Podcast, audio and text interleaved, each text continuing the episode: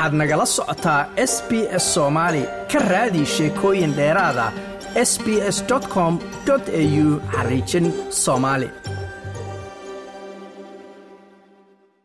tan iyo wixii ka dambeeyey markii uu dhacay weerarkii ay al-shabaab ku qaadeen deegaanka coos weyne ee gobolka galgaduud halkaasoo ay sheegeen in ay jab xoogan ku gaarsiiyeen ciidanka dowladda soomaaliya islamarkaana uu sii kordhay wararka sheegaya in ciidamo aad u tiro badan ay ka soo baxayaan furimaha dagaalka ee deegaanada shabaab lagala wareegay. Ayaa mas'uuliyiinta kala duwan ee dowladda federaalk soomaaliya si kulul u beeninayaan jiritaanka wararkaasi iyagoona bilaabay dhaqdhaqaaqyo ay ku dhiirigelinayaan ciidamada dowladda ee furimaha ku sugan guddoomiye ku-xigeenka amniga iyo siyaasadda maamulka gobolka banaadir oo ka hadlayay goob deeq taakulo loogu ururinayay ciidamada dowladda ee furimaha dagaalka ku sugan ayaa beeniyey in ciidamada dowladdu ay soo faaruujiyeen jiidaha dagaalka ee deegaanada ay ku sugan yihiin. Maxamed axmed deeriye guddoomiye ku-xigeenka maamulka gobolka banaadir ayaa ugu horeyntii ka hadlay in si rasmi ah uu u shaqo bilaabay guddiga taakulaynta iyo garab istaagga ciidamada dowladda soomaaliya.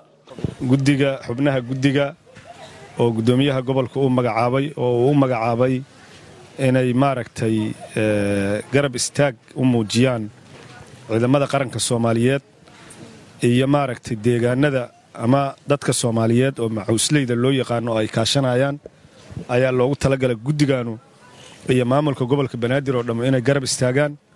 Waxaa la yidhaha guddiga taakulaynta ciidamada iyo wacyigelinta bulshada gobolka banaadir. Gobolka banaadir saaad og tihiin waa xaruntii ama meeshii bayska ummadda soomaaliyeed. Sidaas darteed waxaan rabnaa marka koowaad inaan dadka soomaaliyeed gaar ahaan dadka gobolka banaadir degan inaan ugu baaqno in ciidamadooda ay garab istaagaan dowladdooda ay garab istaagaan. Meeshaan waa ogtihiin wixii ka dhici jiray. Maantana waxaa ka dhacaya furimaha fogfog oo shan boqol oo kilomitir magaaladan u jirta u jirta. Wixii ka dhici jira halkaanay ka dhici jireen maanta meeshay ka dhacayaan waa aragteen. Waxaasna waxaa hormuud u ah dowladda soomaaliyeed oo dadkeeda iyo ciidamadeeda hogaaminaysa meeshaan wax la qariyaa ma yaalliin wax laga cabsadaa ma yaalliin annaga markaan halkaan imaanaynay waxaan ku soo talagalnay shabaab inay amana dilaan ama aan dilno.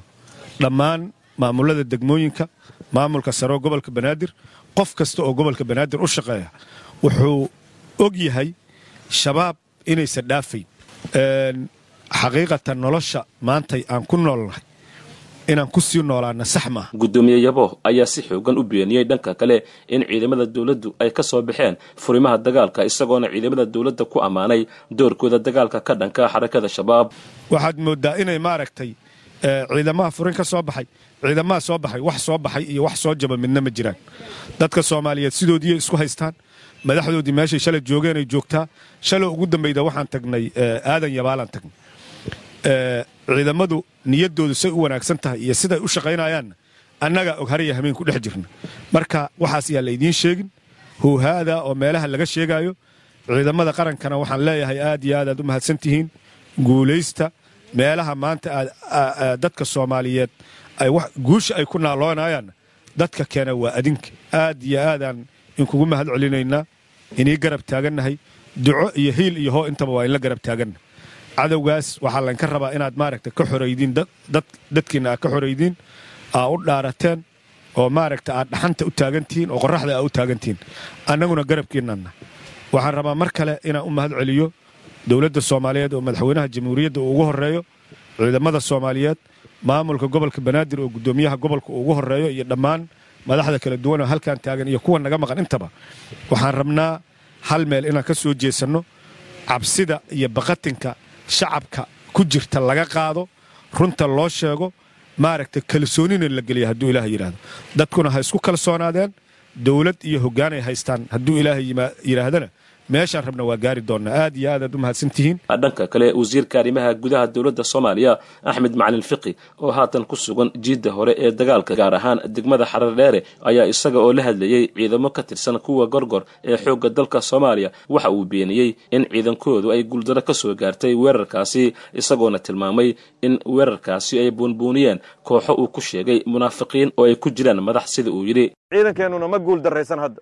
Dagaalka u dambeeya kuma guul darraysan waa dirireen dhulka ugu badan bay qabsadeen. Laakiin kooxihii munaafiqiinta kooxa munaafiqiina ayaa jira oo la sheegay qur'aanka lagu sheegay waidaa ra'aytuhum tucjibuka ajsaamuhum wain yaquuluu tasmac liqowlihim kaannahum khushubun musannada yaxsabuuna kula sayxati calayhim hum alcaduwu faxdarhum markaad aragtid kooxaha munaafiqiinta jirkoodu waa dad dhisan weeyaan la leeyahay ama qaarkood darajay leeyihiin. Ama maaragtay ha noqdo wasiir ama ha noqdo wuxuu rabo. Dad jirkoodu caafimaad qabo oo markaad aragtid muxtaram a u malaynaysid waay. Muuqaalka sare. Markuu hadlana waa afmiinshaar waa nala joogi karaan laakiin waxaa la yidhi waa cadowga ka digtoonaada. Hum alcaduwu faxdarhum ka digtoonaada waxaan rabnaa inaan ciidan ka farno. Kooxahaas tashwiishka la wareegaya in laga digtoonaado in la qabto. Wasiir fiqi ayaa dhanka kale ka hadlay xaaladda ciidamada ay dagaalka kula jiraan ee al-shabaab oo uu sheegay inay khalkhal wajahayaan sida uu yidhi. Waxaana uu sidoo kale soo hadal qaaday sarkaal ay dowladda maalmo ka hor soo bandhigtay oo la sheegay inuu ka soo goostay al-shabaab kaasi oo ay ka heleen xogo muhiim ah siduu hadalka u dhigay. Khawaarij ninkii u weynaa daraad baan wasil uu noogu yimid halkan beertiisii idinkaa qabtay halkan waa la gurtaa la yidhi ayaantii hore gurigiisii meeshaanu ku yaallo ku raaxaysan jiray. Nin abaabul badan oo ciidamada wuxuu ahaa nin ciidamada weliba u badan daraawiishta iyo iyo dadka deegaanka wuxuu aha halkan bay dadkao dhan u keeni jiray gaalkacyuu ka keeni jiray deegaamada kala duwan ku keeni jiray. Ninkaas haddii la yidhaahdo lacag bishii markuu u yidhaahdo toban kun waa tuuri jiray lacag wuu hayst. Hadday tahay mansab mansab wuu hayst. Oo ninka ku-xigeenka ugu guud buu ahaa oo deegaankan mudug. Kii asaga ka sarreeyana galgaduud baa loo qaaday siduu noo sheegay. Asagaa ugu sarreeyay marka number one buu ahaa. Mansab hadday tahana waa hayst. Lacag hadday tahana wuu hayst. Xorriyad waxaasoo dhan buu amri jiray. Laakiin isagaa iraadadiis ku soo goostay ku yimid wuxuuna bixiyey xog runtii xogtuu bixiyey malaayiin lacaga lama siisto.